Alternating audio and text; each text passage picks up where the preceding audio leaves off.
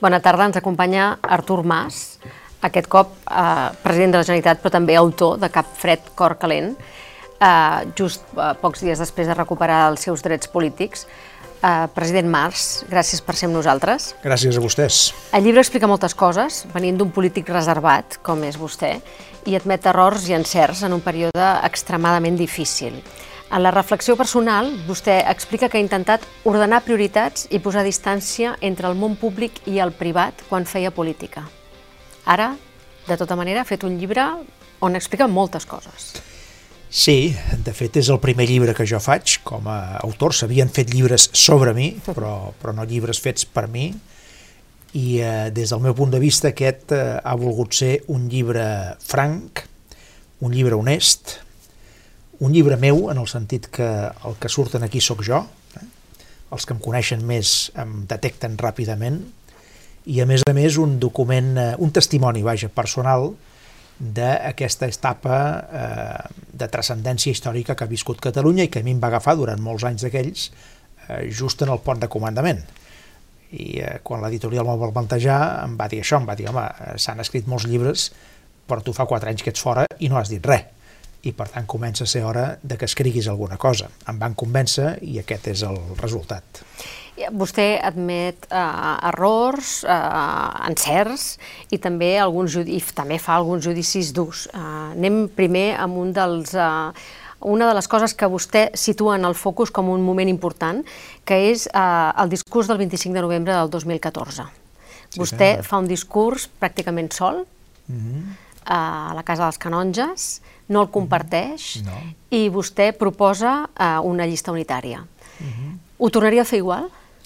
No, no ho tornaria a fer igual i aquí reconec que em vaig equivocar en una cosa que no era menor i és que, recordi, eh, el 2014 vam fer el 9-N, va ser la primera consulta que es va fer sobre el tema sobiranista, uh -huh. va ser la nostra primera victòria, el primer pas en relació a l'estat espanyol, aquells 2.300.000 persones que van anar a votar el 9-N doncs va ser un èxit espectacular i fins i tot no esperat del tot i en aquelles condicions s'havia produït un distanciament eh, molt gran entre nosaltres i Esquerra Republicana i entre l'Oriol Junqueras i jo mateix.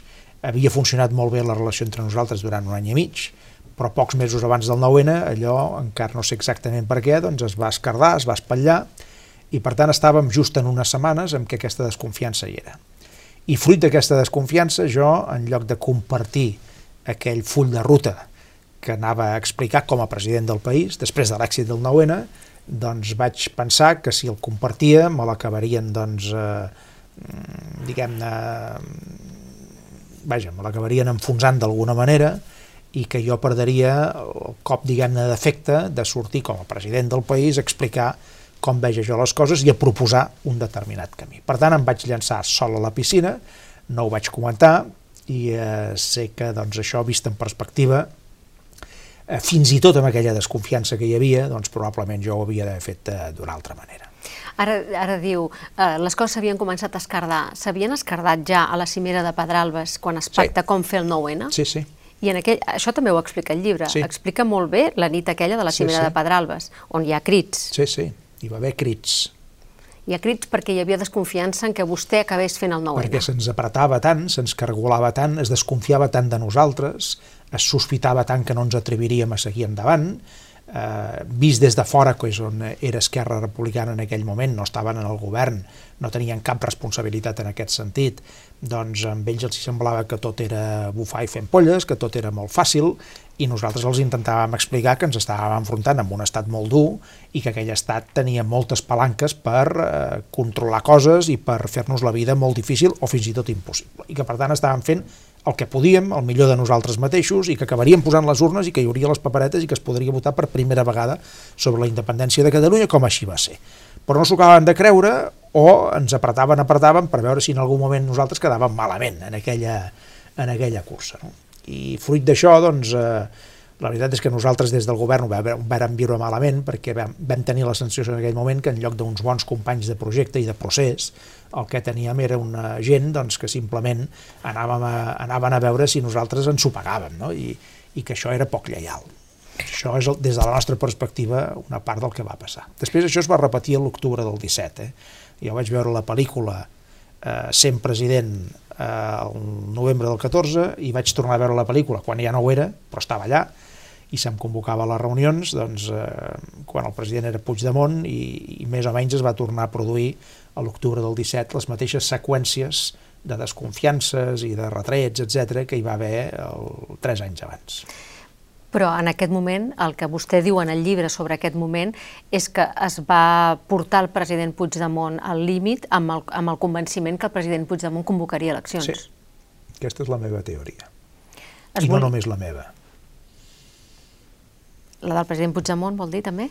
Crec que també, i no només la nostra. La de qui més? Jordi Sánchez ho va dir fa pocs dies uh eh, -huh. públicament. Hi ha molta gent i alguns que no tenen cap eh, procedència del món de Convergència, per entendre'ns, o del PDeCAT, etc, ni que, que, que ho van veure d'aquesta manera. No? Jo crec que Esquerra doncs, eh, en aquell moment tenia molta pressa, deia, eh, apretava molt, sempre deia que s'havia d'arribar fins al final, que no s'havia fet tot allò per quedar-nos a mitges, que consideraven que unes eleccions era simplement això, quedar-se a la meitat del camí, que calia completar, que calia anar a la declaració d'independència, etc etc. no? I jo crec que en el fons doncs, pensaven que el president Puigdemont, arribat a l'últim moment, doncs no ho faria. I quan no ho fes, doncs era un terreny eh, diguem-ne propici per poder, per poder assenyalar que el que estava al davant doncs, no acabava de, no acabava de, de complir del tot. No? Va ser un... Tinc la sensació de que va ser un joc una mica diabòlic en aquell moment i que no va servir perquè les coses acabessin eh, tan bé com haurien d'haver acabat.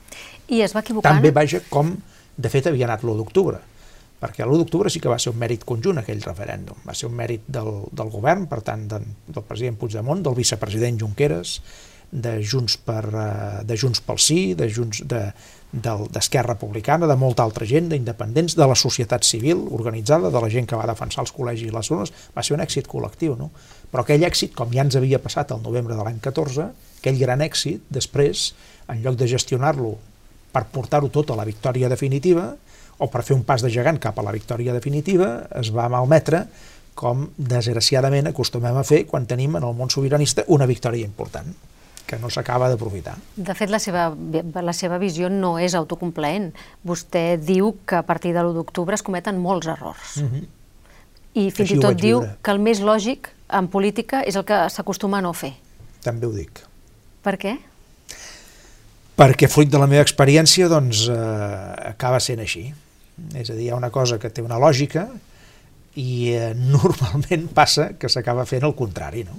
Si vostè em pregunta el per què, doncs no ho sé del tot, potser perquè la política en aquest sentit doncs, eh, o no té eh, prou racionalitat o el tema emocional pesa tant que al final doncs, eh, acaba transfigurant la raó. Eh, o que finalment és més important la percepció de la realitat i la imatge que no pas el contingut. A vegades passa així, no? O la, Almenys competició, o la competició que... interna entre també, les forces polítiques és, independentistes? Sí, sí. També hi és, això, també hi és, i això eh, jo ho vaig identificar des del primer moment, sé que és així, sé que és legítim, la competència entre de partits és legítima, i a més a més en part és necessària, és el que assegura la pluralitat ideològica dintre d'un país. Ara, eh, fixis, eh, per molta competència que hi hagi, per molta pluralitat ideològica, etc etc, home, quan estàs en un moment fundacional, com és eh, intentar passar de ser una autonomia a tenir sobirania i a convertir-te en un estat, i si pot ser un estat ja plenament independent, en el marc europeu, dius, home, en un moment fundacional potser és el moment en què has de substituir la competència eh, electoral per la cooperació a dintre del mateix projecte. Tant m'ho vaig creure, tant m'ho vaig creure, i tan partidari jo era d'aquesta política d'unitat, almenys durant un temps, que vaig impulsar fins a les últimes conseqüències Junts pel Sí, a l'estiu del 15, que va ser la única, ha estat l'única coalició electoral que s'ha fet del món sobiranista en tots aquests anys de procés. No n'hi ha hagut cap més, no n'hi havia hagut cap abans, ni n'hi ha hagut cap després. Cosa que em sorprèn una mica, però eh, aquella vegada va sortir bé almenys es va poder fer, no? i aquell Junts per Si va ser una experiència extraordinària. Després, electoralment, no va tenir el resultat que esperàvem, perquè la CUP va acabar tenint la paella pel mànec. Els únics que no havien participat de la unitat van tenir un premi electoral. Això a vegades també dona una mica de què pensar. Eh? Dona que pensar que potser en aquell moment no es van valorar bé aquells resultats? Vostè admet en el llibre que, que van veure que no havien sigut unes plebiscitàries, que no s'havien aconseguit els objectius, però que no es podia admetre això davant de l'Estat.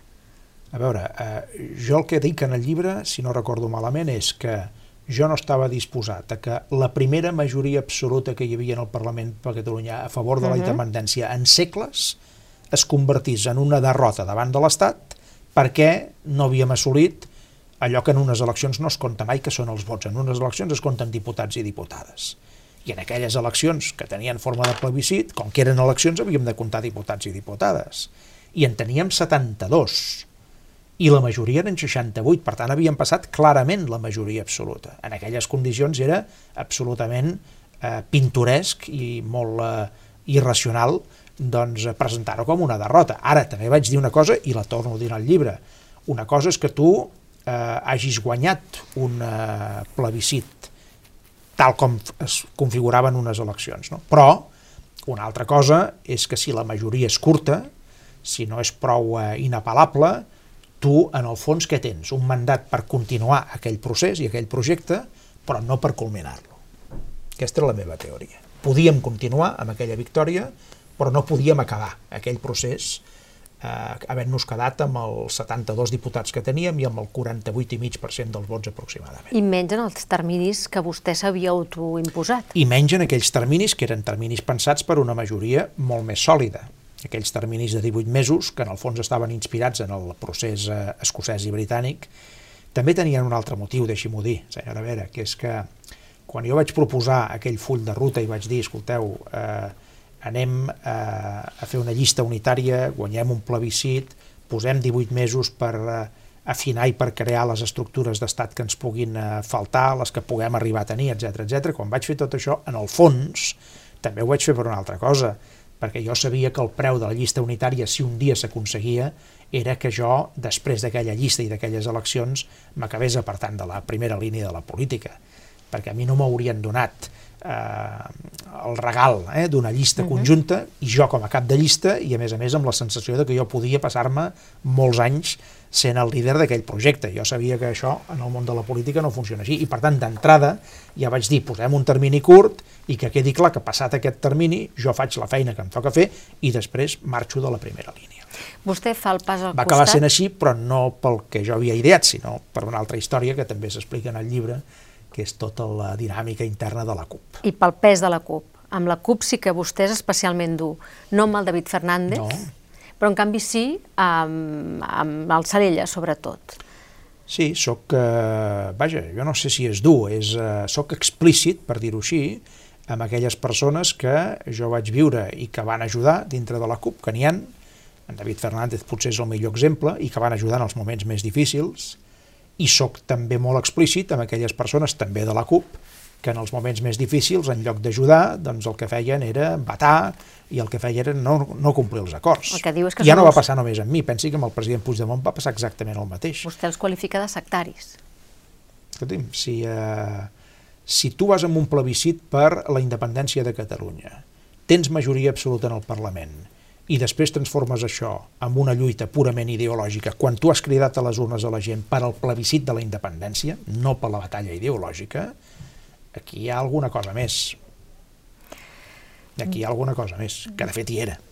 També he de dir que la CUP no era monolítica, perquè recordi vostè, uh -huh. i aquí també surt en el llibre, que aquella CUP que es va debatre eh, internament entre si m'havien de donar suport a la investidura o no, una vegada guanyat aquell plebiscit, per cert, en termes parlamentaris, doncs es va dividir per la meitat i vam arribar a la curiosa virtut matemàtica o aritmètica d'una assemblea amb un empat a 1.515. Però això vol dir que n'hi havia 1.515 que estaven en contra de la meva investidura, però n'hi havia 1.515 que finalment van dir que sí. I allò que s'havia votat en una assemblea, que és molt propi de la CUP, al final aquell empat el va decidir cap al no, doncs un Consell Polític ampliat de la CUP on hi havia 20 o 25 persones que són els que van eh, prendre la decisió final. Finalment, vostè elegeix Carles Puigdemont després d'haver proposat el càrrec a dues dones, que totes dues van dir que no. Sí, de fet el vaig proposar a una, que va ser la Neus Munté. Eh? El que passa que jo en el llibre explico, perquè la gent conegui tota la veritat d'aquella època, uh mhm. -huh. i també com a testimoni històric del que va passar, eh, explico que a l'estiu de l'any 2015, quan estàvem just davant de les eleccions plebiscitàries, ja teníem Junts pel Sí, Unió va marxar del govern, perquè Unió es va partir per la meitat. La sí. meitat van eh, estar a favor de la independència, la gent de demòcrates, de la Núria de Gispert, del Toni Castellà, d'en Joan Rigol, etc, i la gent com en Duran i l'Espadaler, que es van quedar eh, purament en el no. Eh? Com a conseqüència d'això, Unió va sortir del govern. Jo vaig haver de substituir les conselleres i els consellers d'Unió i aleshores li vaig proposar a Mercè Conesa que ell entrés en el govern i que assumís la vicepresidència que tenia Joan Ortega en aquell moment. Uh -huh. I eh, s'ho va pensar i em va dir que no. Si la Mercè Conesa hagués dit que sí, aquell estiu, pocs mesos després, que en aquell moment no estava previst, quan jo hagués fet el pas al costat, jo lògicament hauria proposat a la meva vicepresidenta com a candidata a la presidència de la Generalitat i eh, com que ja m'havia dit que no, doncs després ho vaig intentar aquelles setmanes abans, aquells dies abans amb la Neus Munté, que era la vicepresidenta del meu govern. I la Neus al final doncs, eh, també va dir que no.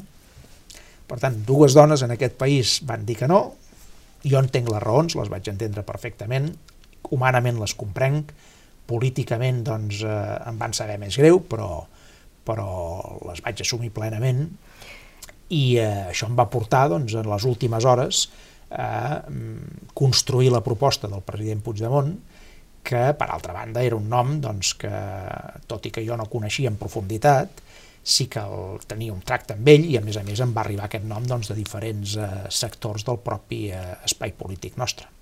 Pot dir noms? De qui li va arribar el nom? va ser gent diversa, ara no recordo exactament qui m'ho va proposar, però e, eren gent molt diversa, i a més a més pensi que una de les avantatges d'en Carles Puigdemont en aquell moment era que ell no formava part de cap família dintre del partit. Eh? Uh -huh. No estava amb uns o amb uns altres, estava una mica al marge de tot eh, plegat. No? I això, per eh, construir un consens, de tant en tant és bo. Era una de les raons, no? evidentment no va ser l'única. No? Vostè, de tota manera, diu que és un llop solitari bueno, en un moment determinat del llibre el descric així, sí, jo crec que és un home doncs, que eh, fa les coses doncs, molt, eh, molt per ell mateix, molt sol. És probable que jo també ho sigui una mica, eh? no, no vull dir això que jo sigui doncs, eh, una, diguem-ne, una espècie de, com ho podríem dir, eh? un llop que va en manada i que... No, jo també tinc una mica d'això. Però jo crec que ell també ho té, sí, crec que també, també ho té. Vostè admet com un dels moments més complicats eh, la transició, o primer eh, l'explosió de Convergència eh, amb el cas Pujol, sí. i després aquesta transició, aquesta, aquesta, aquesta mutació, diguem-ho, de Convergència en el PDeCAT. Mm -hmm. I en aquest mhm. moment vostè admet que podia haver ajudat més sí. a la nova direcció del PDeCAT. Sí. Ells no van demanar ajuda, però vostè no. tampoc va fer el pas endavant no. d'ajudar-los quan de... sabia que tenien en contra els que sí. havien perdut el, el sí, Congrés. Sí. Jo, vist en perspectiva, doncs, eh, tinc aquest penediment. Eh? És a dir, que tinc la sensació de que eh, podia haver-me involucrat més en el que va ser el, el, més que el naixement del PDeCAT, que aquí m'hi vaig involucrar, en el que va ser les primeres passes de la criatura. No? I com que hi havia gent molt jove, la Marta Pascal, en David Bonveí, hi havia molt, gent molt jove en allà, que van agafar les regnes de tot allò, quan la candidatura que jo defensava, que era la d'en Jordi Turull, doncs va, no va reeixir. Uh -huh. eh, aleshores, doncs, eh, bé, jo, seguint el meu estil, que ho he fet sempre així, doncs jo vaig deixar fer, eh, vaig pensar, escolta'm, si ells necessiten ajuda, doncs eh, ja ho demanaran. Eh, jo vinc d'una època en què t'havies d'espavilar molt, quan vaig haver de succeir el president Pujol, doncs, eh, jo, en lloc de demanar moltes coses, doncs ens les feien per nosaltres mateixos i tiraven endavant i rebíem les bufetades, etc etc. No? I vaig pensar que ells, doncs, poc o molt, doncs, també acabarien funcionant una mica així. I després vaig veure que eh, bueno, havien quedat una mica, doncs, eh, potser desemparats o una mica desvalguts i que jo en aquell moment hauria pogut ajudar una mica més. I en aquest moment eh, l'espai s'ha de reactualitzar. Sí, senyora. Eh, en aquest moment ajudarà?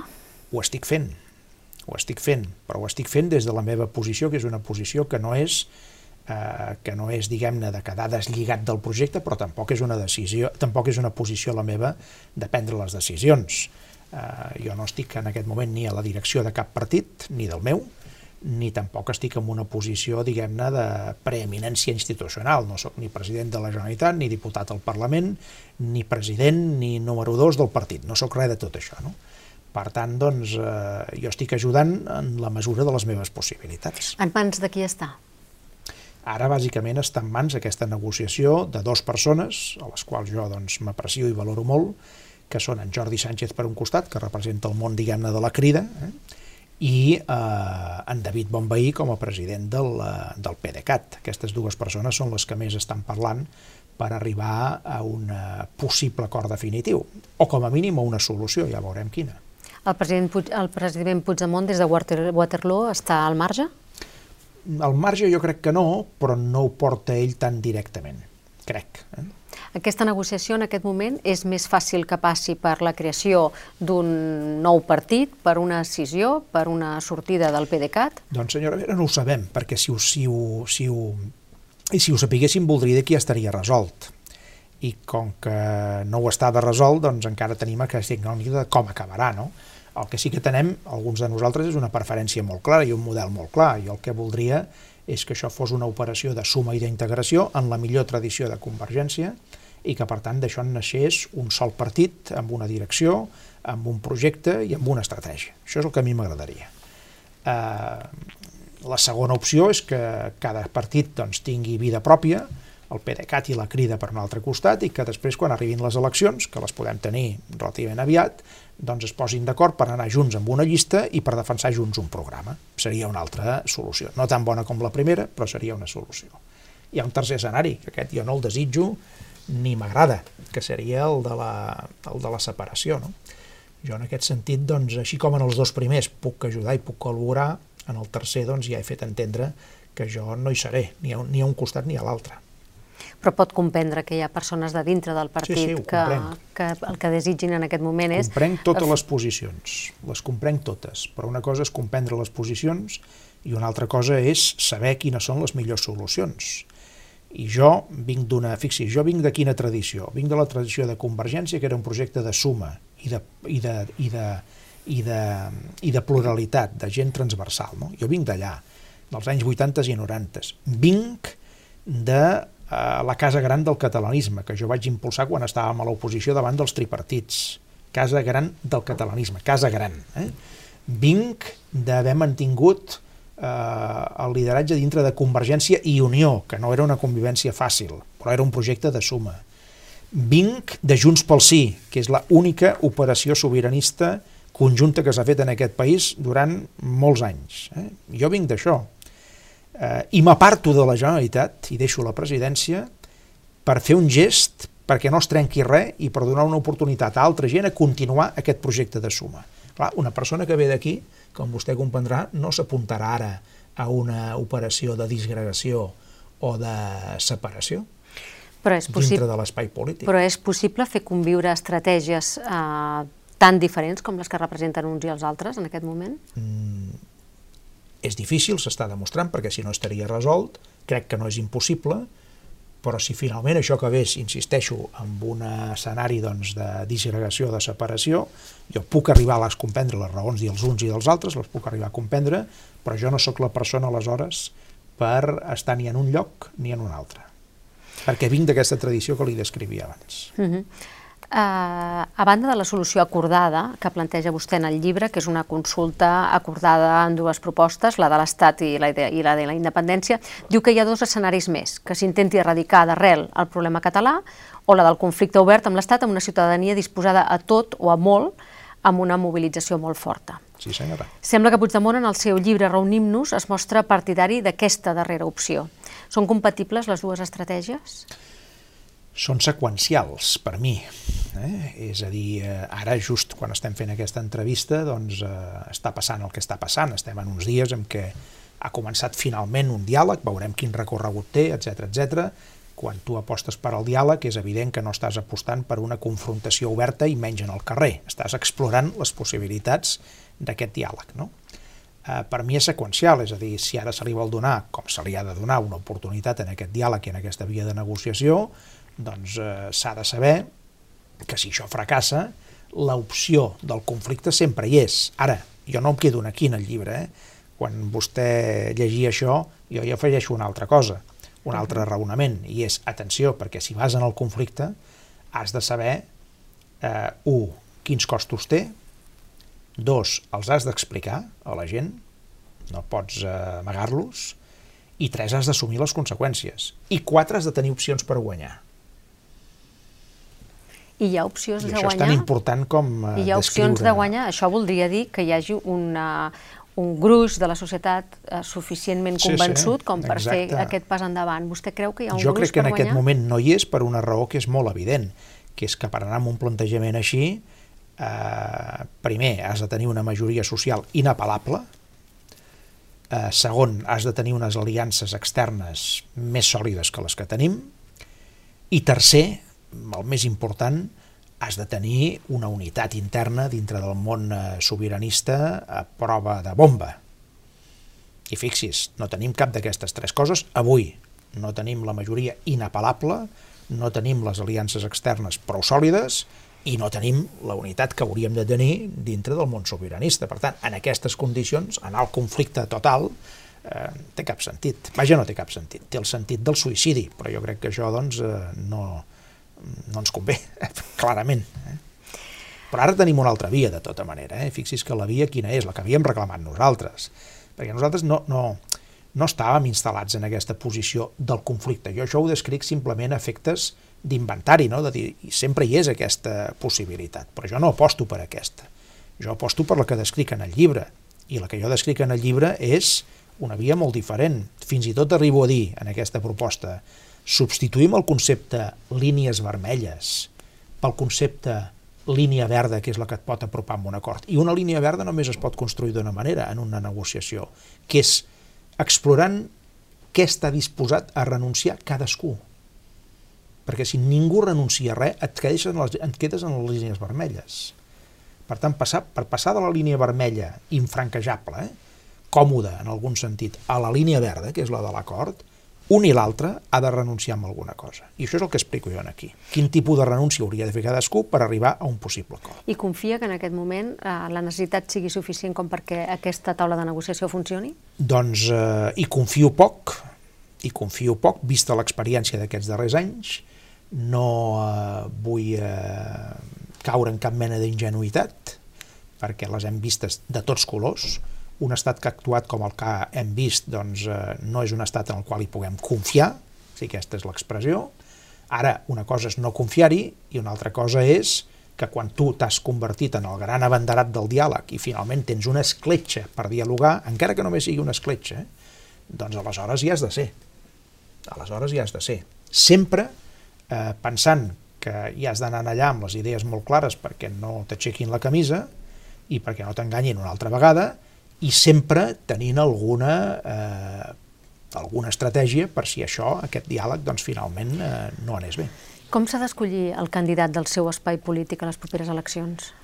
Doncs eh, idealment s'hauria de triar com sempre triàvem eh, els candidats, que era doncs, amb una proposta d'un cap de llista que després es sotmetia a l'aprovació d'una sèrie d'òrgans del nostre espai.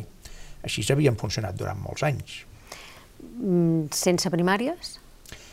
Les primàries últimament són, és el sistema que vàrem utilitzar. Durant molts anys nosaltres no funcionàvem en primàries, funcionàvem a base d'una proposta que aprovava el nostre Consell Nacional, eh, que era un òrgan d'unes 400 persones, i últimament vam, hem utilitzat més el sistema de primàries, que és doncs, que en lloc de 400 persones doncs, siguin uns quants milers els que decideixin qui és el candidat. Això seria l'ideal. Altra cosa és que eh, aquests últims temps en la política catalana això funciona d'una manera bastant diferent, perquè fixis, eh, sembla que tot el tema de les convocatòries electorals ve més predeterminat per l'actuació dels tribunals que no pas per la decisió dels polítics. I això altera tots els calendaris i totes les formes de fer.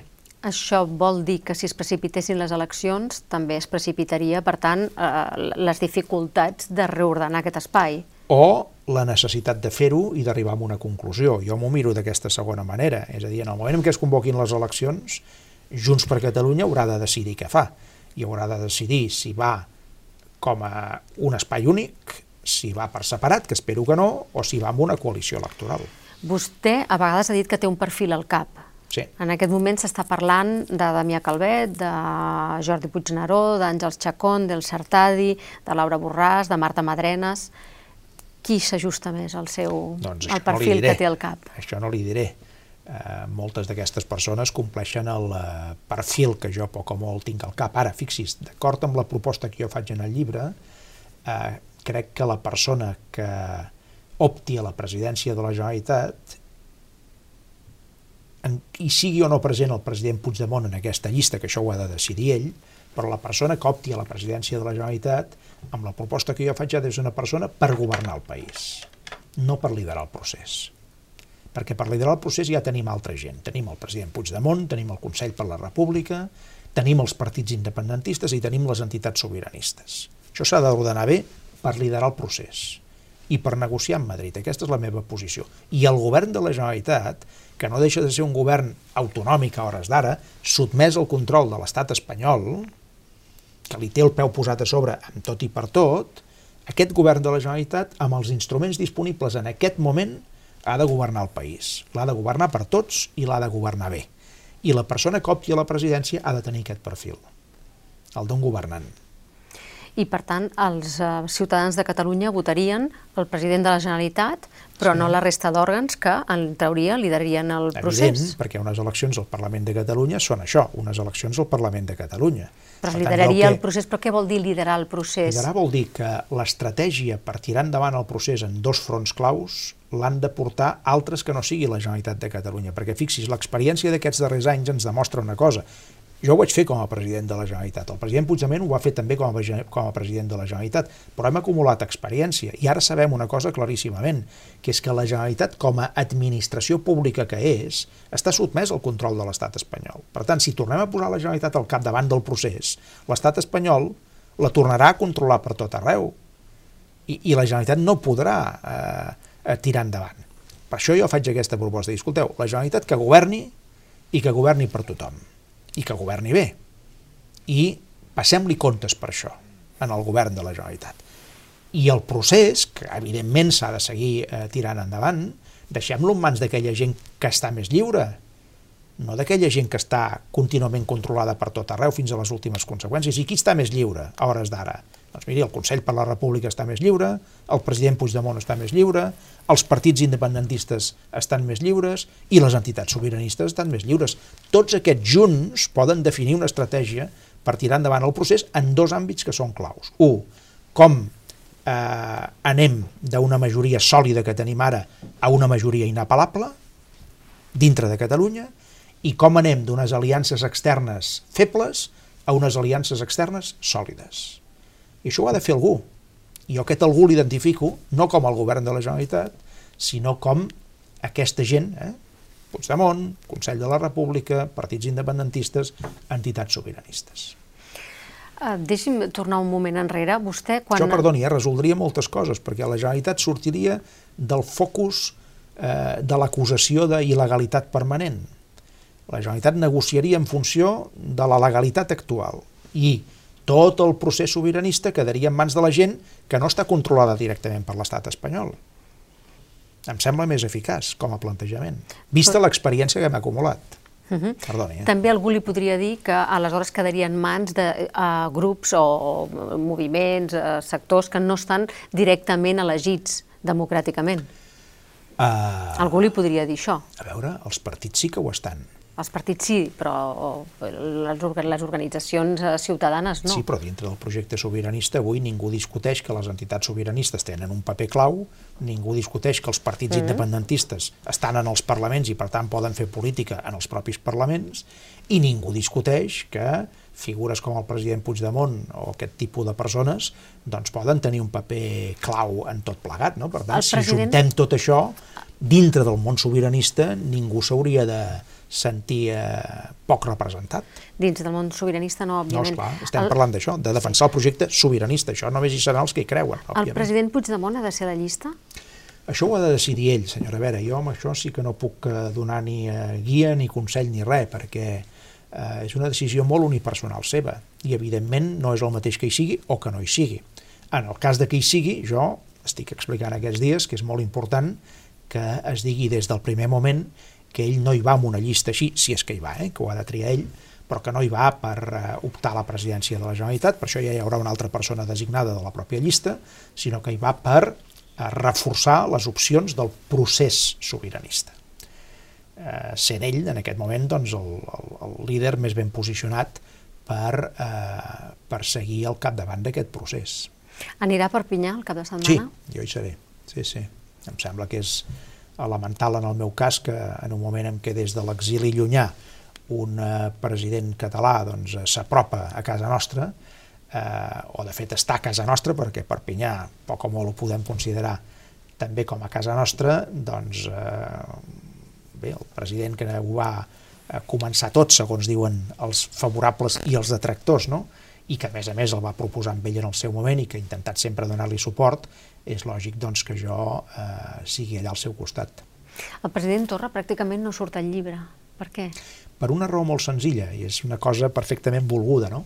Perquè, miri, aquest llibre, si vostè l'analitza bé, té, eh, eh, té, té un període molt clar. Aquest llibre comença quan jo arribo a la Generalitat a finals del 2010 i sóc president, i acaba quan el president Puigdemont se'n va a l'exili amb una part del govern i la resta del govern i de les entitats sobiranistes entren a la presó. Per tant, és un llibre que va de desembre del 2010 a eh, novembre-desembre del 2017. I el president Torra arriba a l'any 18. Uh -huh. I aquest llibre, jo ho explico en la part final, en l'epíleg, no? aquest llibre ja no hi entra en aquests dos últims anys. Eh, té 380 pàgines, si és que si hagués entrat en aquests dos últims anys en tindria 500, jo ja no, ja no tenia massa sentit això, no? ja no tenia massa sentit. A part que hi ha una altra cosa, que pensi que jo entre el 2010 i el 2017, o com a president, o molt a prop del president Puigdemont, ho vaig viure tot amb una gran intensitat. A partir del desembre del 17, quan es fa Junts per Catalunya, eh, i a partir de l'arribada del president Torra i tot això, jo no em vaig deslligar mai del projecte, però em vaig distanciar molt més de la primera línia. I, eh, per tant, és lògic que jo aquests últims temps, que no els he viscut amb la mateixa proximitat, quedin fora d'un llibre que pretén ser un testimoni personal d'una etapa històrica i sobretot de les coses que jo he viscut més directament. Des del punt de vista personal, eh, vostè explica que la data del 9 de novembre era una data ben buscada per motius històrics, però que també tenia una altra, una altra connotació per vostè. Sí, sí, bueno, tenia, sí, tenia una connotació més personal i és que eh, em vaig trobar doncs, eh, amb el meu pare, eh, que va ser objecte d'atacs de tot tipus, etc etc. es van aprofitar d'ell quan ja era una persona gran i malalta per, eh, li diré clarament, eh, per fotre'm a mi, perquè finalment és així, eh, per desgastar-me a mi, això em va saber molt greu perquè era profundament injust i profundament inhumà. No? I aleshores, doncs, sense fer mal a ningú, perquè no feia mal a ningú, com que el meu pare havia nascut un 9 de novembre de l'any 27, després va morir l'any 12, doncs, eh, per tant, l'any 14, quan es va fer el 9-N, ja era, el meu pare ja era mort, doncs jo vaig pensar, escolta'm, no per aquesta raó, no? però si a més a més coincideix amb una data així, és un petit homenatge a una persona que el van fer patir molt de manera inhumana i de forma absolutament innecessària. Són les misèries de la política. Misèries i grandeses de la política. També explica com les seves germanes eren una, unes grans supporters de grans la seva, de la seva presidència. que també vaig perdre mentre era president, una mentre ho era i l'altra poques setmanes després de marxar, doncs eh, eren eh, unes fans totals del procés, del projecte, eh, bona part de mi mateix, eh, ho vivien amb una intensitat eh, molt gran, malgrat les seves, les seves doncs, eh, molt dures malalties. No? També explico amb algunes coses més personals que no he volgut amagar del tot, eh? i probablement és la primera vegada que l'explico d'aquesta manera, perquè la gent entengui quina és també la vida d'un president que abans que president o que polític és persona, que és fill, que és germà, que és marit, que és pare, etc etc. no? Avi. I avi, ara en aquest moment avi. Això em va passar poc després de sortir del, del, de deixar la Generalitat. Vaig deixar de ser president i vaig passar a ser avi. Bueno, I en poques setmanes em van passar un munt de coses. Vaig deixar la presidència, que m'havia costat molt tenir, vaig ser avi per primera vegada de Bessones i vaig perdre la meva segona germana. Vostè té fama de fred. Vostè creu? No ho sé. Llegeixi el llibre. Jo he llegit el llibre i em sembla que alguns dels seus col·laboradors, que li deien Iceman, eh, deuen haver trobat coses que no coneixien. Segur. Bona sort. Gràcies. Moltes gràcies. A vostè també. Fins molt aviat. Gràcies per seguir-nos.